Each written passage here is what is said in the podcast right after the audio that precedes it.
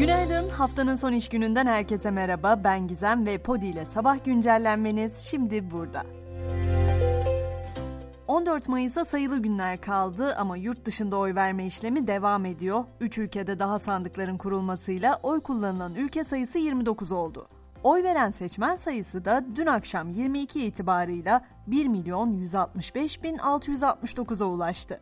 Cumhurbaşkanlığı sözcüsü Kalın Alman medyasına verdiği röportajda hükümetin olası bir seçim yenilgisini kabul etmeyeceğine dair endişelerin yersiz olduğunu belirtti. Kalın sonuç ne olursa olsun saygı duyuyoruz diye konuştu.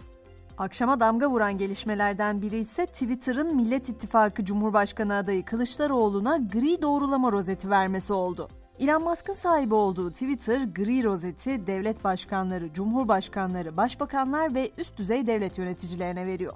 Bu arada Kılıçdaroğlu gece yayınladığı videoda iktidara gelir gelmez en düşük memur maaşını asgari ücretin iki buçuk katına çıkaracağını vaat etti.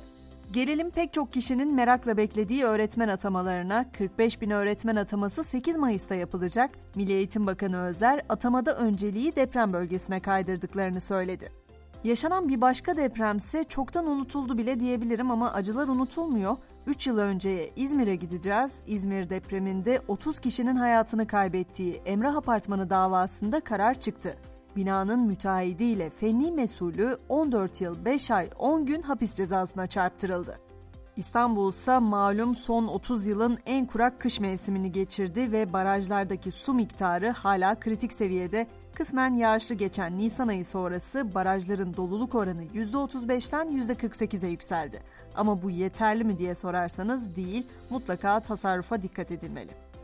Dünyadaki yolculuğumuzda ilk durağımız gerilimin hiç eksik olmadığı savaş hattı olacak. Kremlin'e yapılan İHA saldırıları Rusya'nın gündeminde. Kremlin sözcüsü Peskov, kararların Kiev'de değil Washington'da alındığını biliyoruz. Kiev kendisine söyleneni yapıyor diyerek ABD'yi suçladı. Beyaz Saray'dan yanıt gecikmedi, iddialar gülünç olarak nitelendirilerek saldırılarda ABD'nin hiçbir dahlinin olmadığı belirtildi. Avrupa Birliği Yüksek Temsilcisi Borrell da Rusya'yı sözde saldırıyı savaşı tırmandırmak için bir bahane olarak kullanmamaya çağırıyoruz dedi. Ukrayna ordusu ise başkent Kiev üzerinde uçuş yapan kendi insansız hava aracı Bayraktar TB2'yi yanlışlıkla vurarak düşürdü.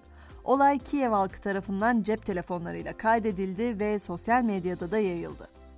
İngiltere'ye geçtiğimizde grevlerin son adresinin Heathrow Havalimanı olduğunu görüyoruz. Güvenlik görevlileri dün itibariyle iş bıraktı. Yaklaşık 1400 güvenlik personeli iki gün boyunca grevde olacak. Dünyanın en kalabalık ülkesi ise değişti. Birleşmiş Milletler tahminlerine göre Hindistan Nisan 2023 itibarıyla nüfus olarak Çin'i geride bırakarak dünyanın en kalabalık ülkesi haline geldi. Hindistan'ın bu yıl 1,4 milyarı aşan nüfusundaki artış 2064'e kadar sürecek. Yapay zeka konusunda ise gün geçmiyor ki yeni bir haber çıkmasın ama bu kez yapay zekanın işe yarayabileceği konulardan biri yapay zeka beynin şifrelerini çözmek konusunda tarihte görülmemiş bir başarı kaydetti. İsviçre'de geliştirilen yapay zeka gözlerden beyne gönderilen sinirsel sinyalleri görüntüye çevirebiliyor. Yani bu teknoloji sayesinde gelecekte körlük tarihe karışabilir teknolojinin gelecekte görme engelliler için biyonik gözler üretilmesini sağlayacağı düşünülüyor. İş arama motoru Lensa ise dünya çapında en çok talep gören 10 mesleği sıraladı. Raporda yazılım kalite güvence analisti en üst sırada yer aldı. En çok aranan ikinci meslek güneş enerjisi danışmanı ve müşteri hizmetleri görevlisi olurken onu meslek hemşiresi izledi. Bu listenin ilk üçüne girememiş olsa da influencer ve içerik üreticilerine de TikTok'tan yeni bir özellik haberi geldi. TikTok'un yaratıcılık programına katılan kullanıcılar alıştığımız kısa videoların yerine bir dakikadan uzun videolar paylaşacak. Ayrıca para kazanmak için en az 10 bin takipçiye de ihtiyaç duyulacak.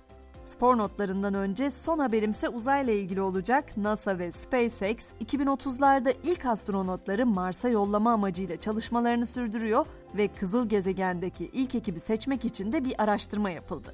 Buna göre Mars'taki ilk astronotların hepsinin kadın olması gerektiği sonucuna varıldı. Nedeni ise erkek vücudunun oksijen tüketimi, enerji harcaması, karbondioksit ve ısı üretimiyle su gereksinimi gibi ölçümlerinin kadınlara göre daha fazla olması.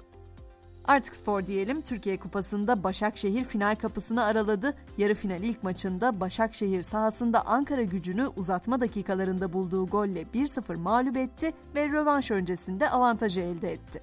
Süper Lig'de ise 33. hafta maçlarını yönetecek hakemler açıklandı. 33. haftanın açılış mücadelesi olan Antalya Spor Beşiktaş karşılaşmasını Mete Kalkavan yönetecek. Ve güncellenin sonunda bu sabahın mottosu Oscar Wilde'dan geliyor.